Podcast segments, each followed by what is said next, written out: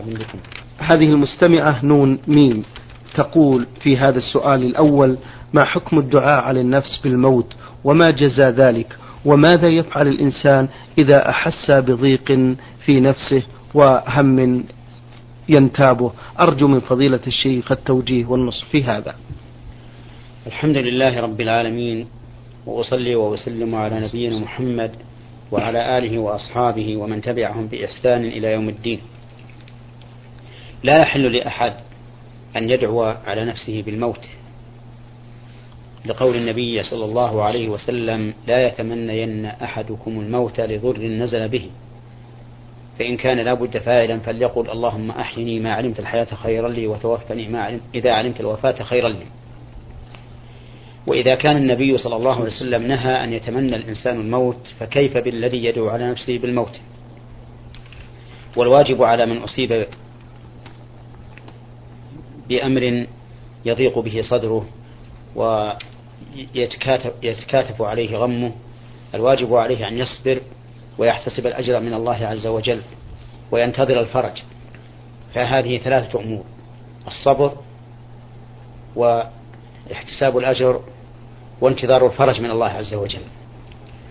وذلك أن الإنسان إذا أصيب بمصيبة من غم أو غيره فإنه يكفر الله بها عنه. سيئاته وخطيئاته. وما أكثر السيئات والخطيئات من بني آدم. فكل بني آدم خطاء وخير الخطائين التوابون.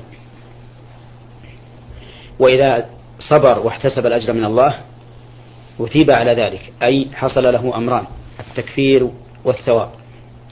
وإذا انتظر الفرج من الله عز وجل أثيب على ذلك مرة ثالثة. لأنه أعني انتظار الفرج حسن ظن بالله عز وجل وحسن الظن بالله سبحانه وتعالى عمل صالح يثاب عليه الإنسان.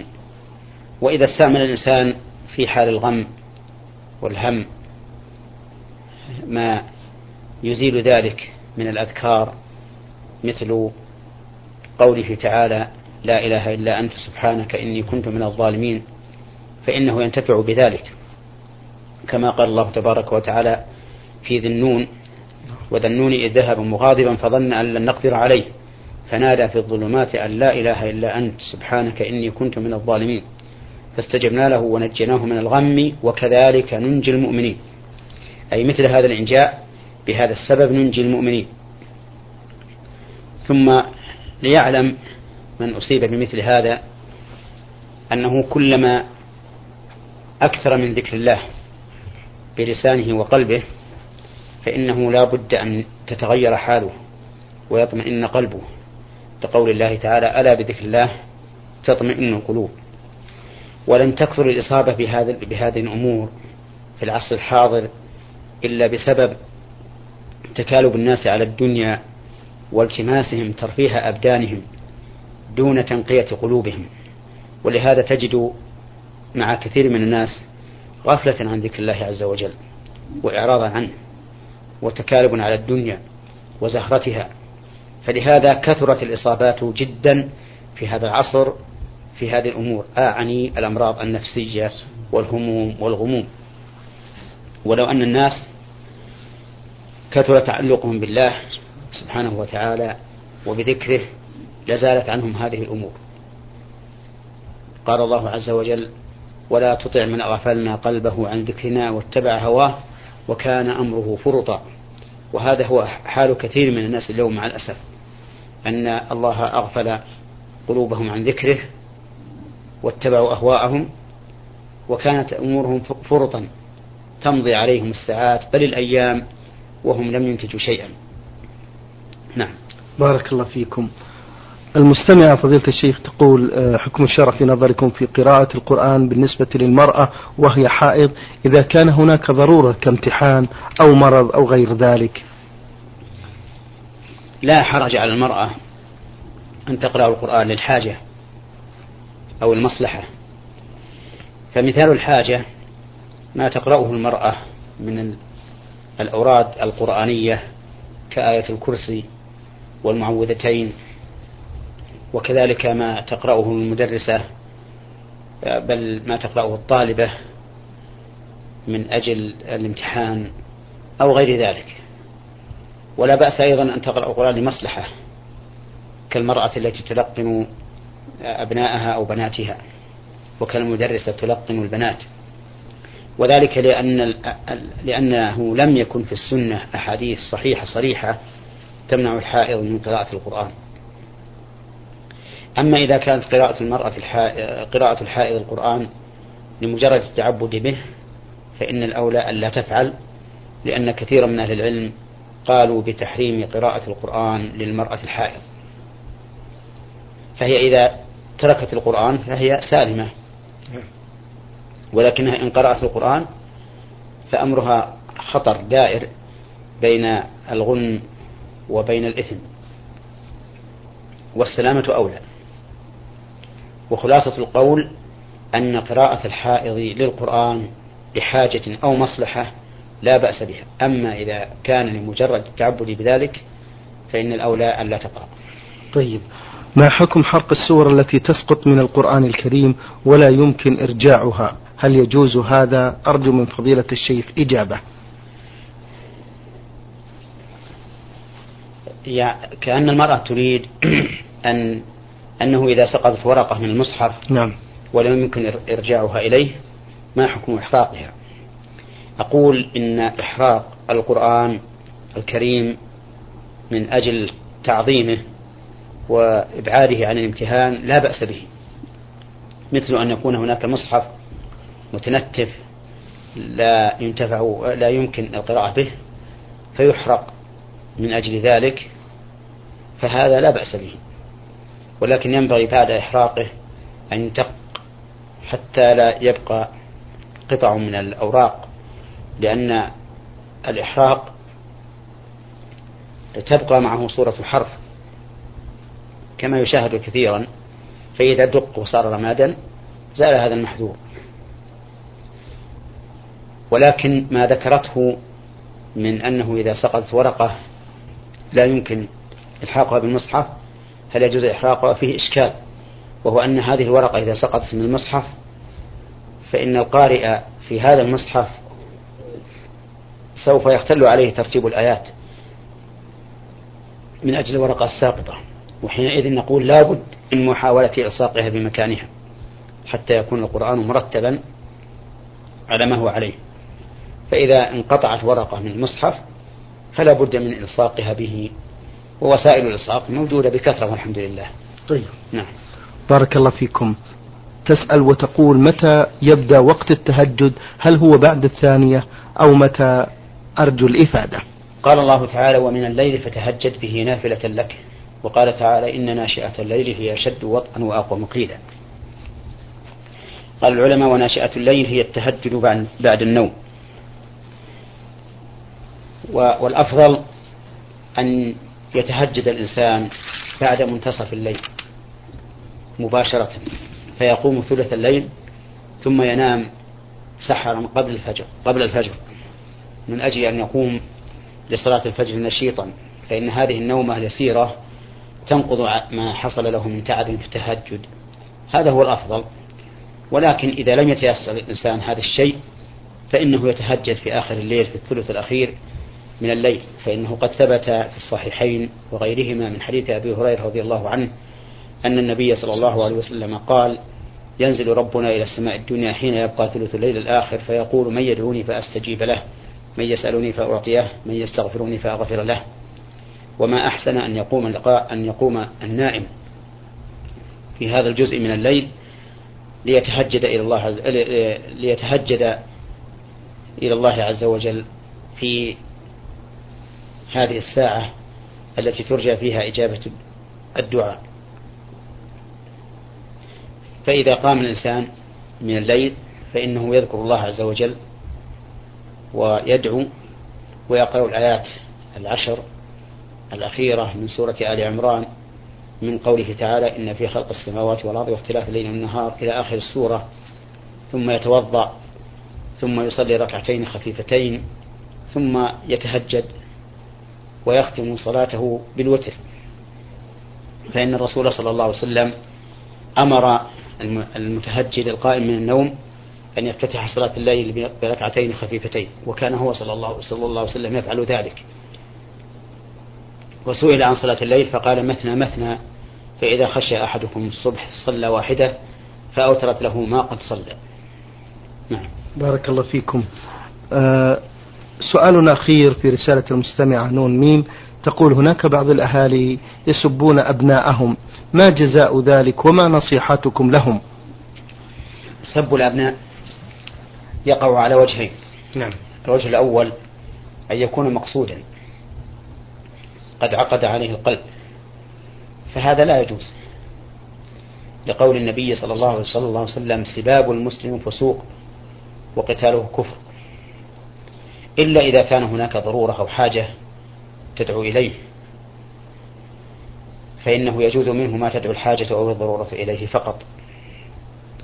والثاني أن يقع على وجه غير مقصود ولا مراد ولكنه يجري على اللسان بغير قصد. فهذا يعتبر لغوا لا يؤاخذ عليه العبد ولكن ينبغي أن يطهر لسانه منه. كما يقع كثيرا من النساء. تدعو على أولادهن بالموت وبالعذاب وبالكسر وبالمرض وما أشبه ذلك لكن بغير قصد نعم. لأن نعلم علم اليقين أنها, أنها تكره أشد الكراهة أن يقع ما تدعو به على ابنها. ولكن يحدث هذا بلا قصد فهذا لا يعذب عليه الإنسان ولكن ينبغي له أن يطهر لسانه من ذلك. بارك الله فيكم. هذه رسالة وصلت من مصري الجنسية يعمل بالمملكة رمز لاسمه بميم ألف. يقول لقد قمنا بأداء فريضة الحج العام الماضي وكان من المفروض أن نحرم من أبيار علي ولكننا لم نتمكن من ذلك وأحرمنا من مكة. فما الحكم في ذلك؟ علما بأني أديت الفريضة مع زوجتي وأخي مع زوجته. فإذا كان هناك حكم فهل أؤديه عن أخي وعني أم هل يؤديه هو عن نفسه وعن زوجته علما بأنه غير موجود بالمملكة؟ أفيدونا وجزاكم الله خيرا. الإحرام من الميقات لمن أراد الحج أو العمرة واجب لأن النبي صلى الله عليه وسلم قال فيما صح عنه من حديث ابن عمر رضي الله عنهما قال يهل أهل, المدينة من ذي الحليفة وذكر تمام الحديث. وهذا الخبر خبر بمعنى الأمر. وفي وفي الصحيحين من حديث ابن عباس رضي الله عنهما قال وقت النبي صلى الله عليه وسلم لأهل المدينة ذي الحليفة الحديث. وعلى هذا فلا يحل لمن أراد الحج أو العمرة أن يتجاوز الميقات بدون إحرام.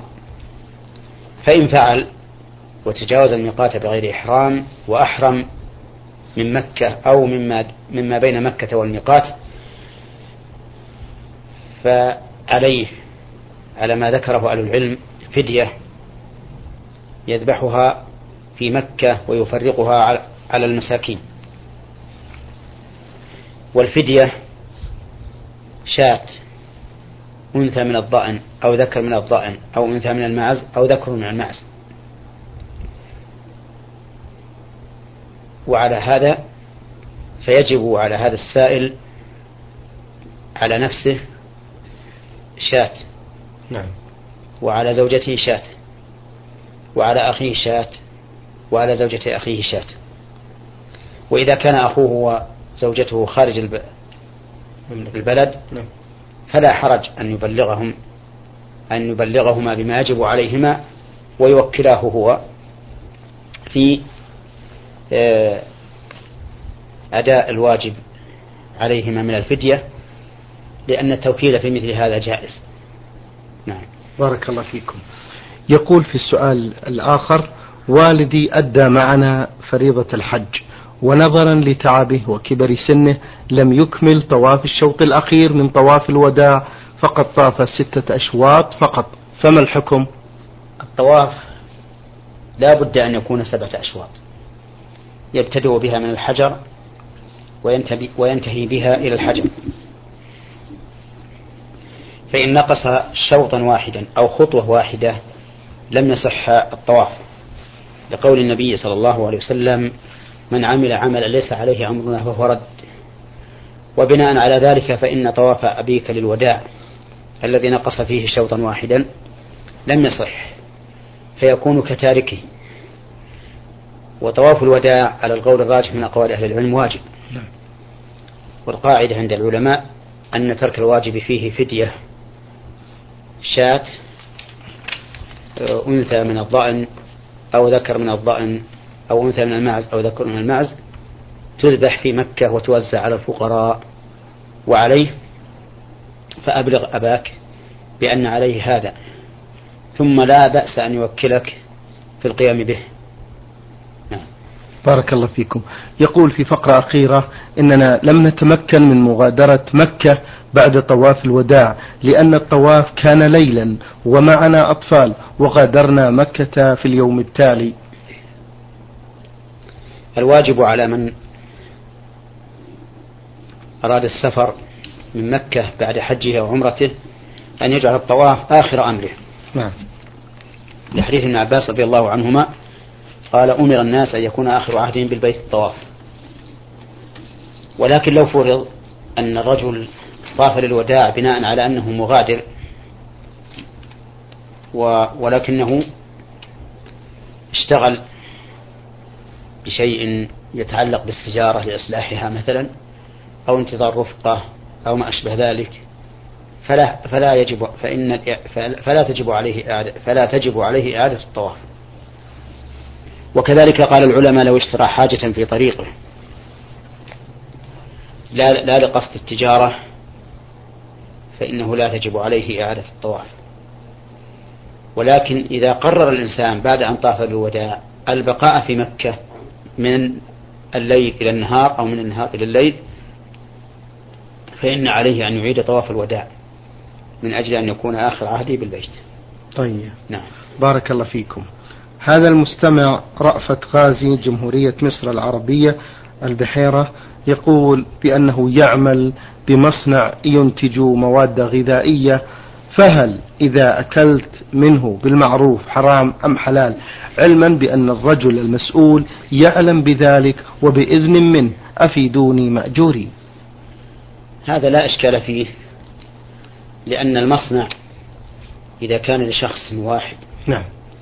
وأذن للعاملين فيه أن يأكلوا منه بالمعروف فهو ملكه له أن يتصرف فيه بما شاء. أما إذا كان المصنع مشتركا بين جماعة فإنه لا بد أن يصدر الإذن من الجماعة جميعا أو من من فوضوا إليه الأمر بذلك لأن الأصل في أموال الغير أنها محترمة.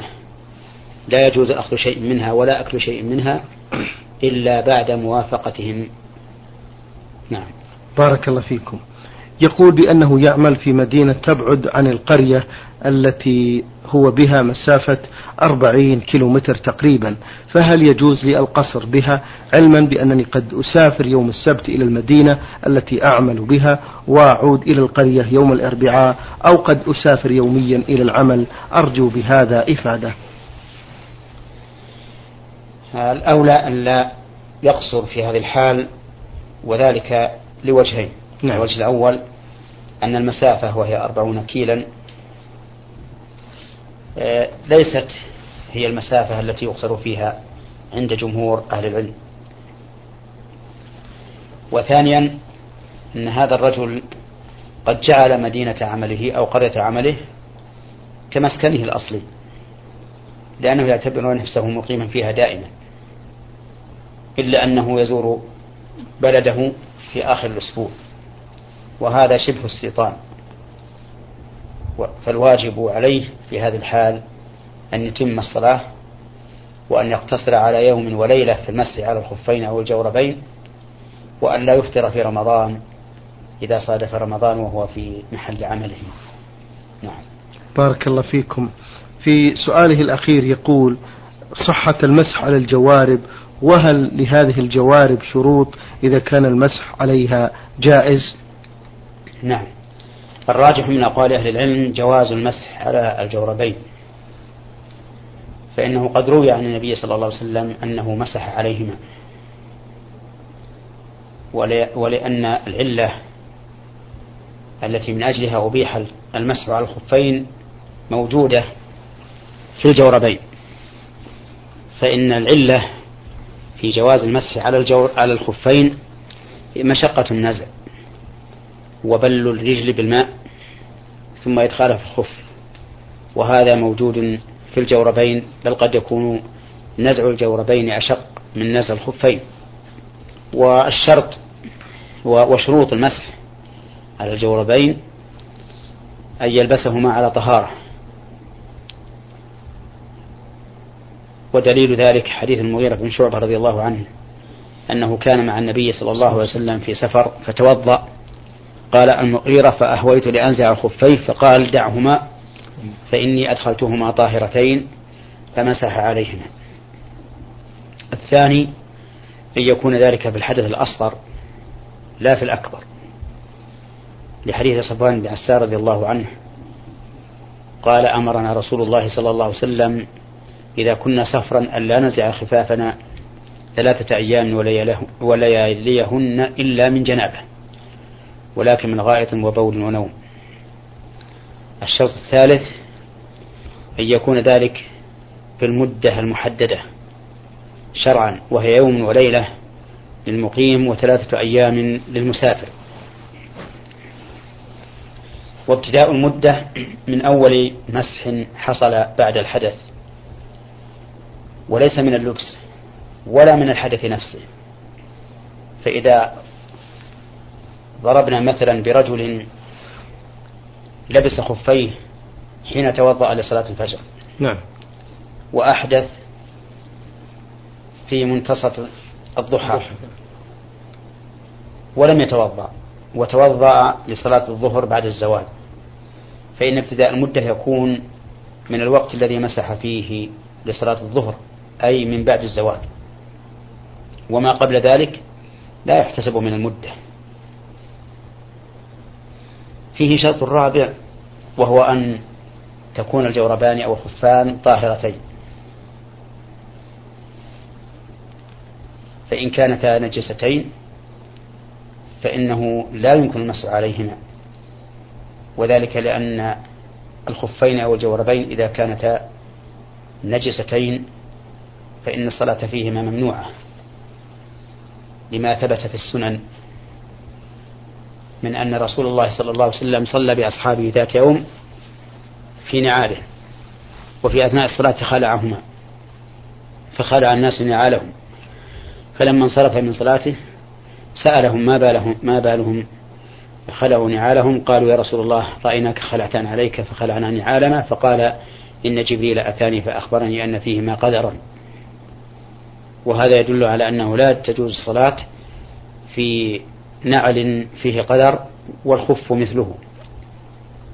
وعلى هذا فلا بد أن تكون الجوربان أو الخفان طاهرتين.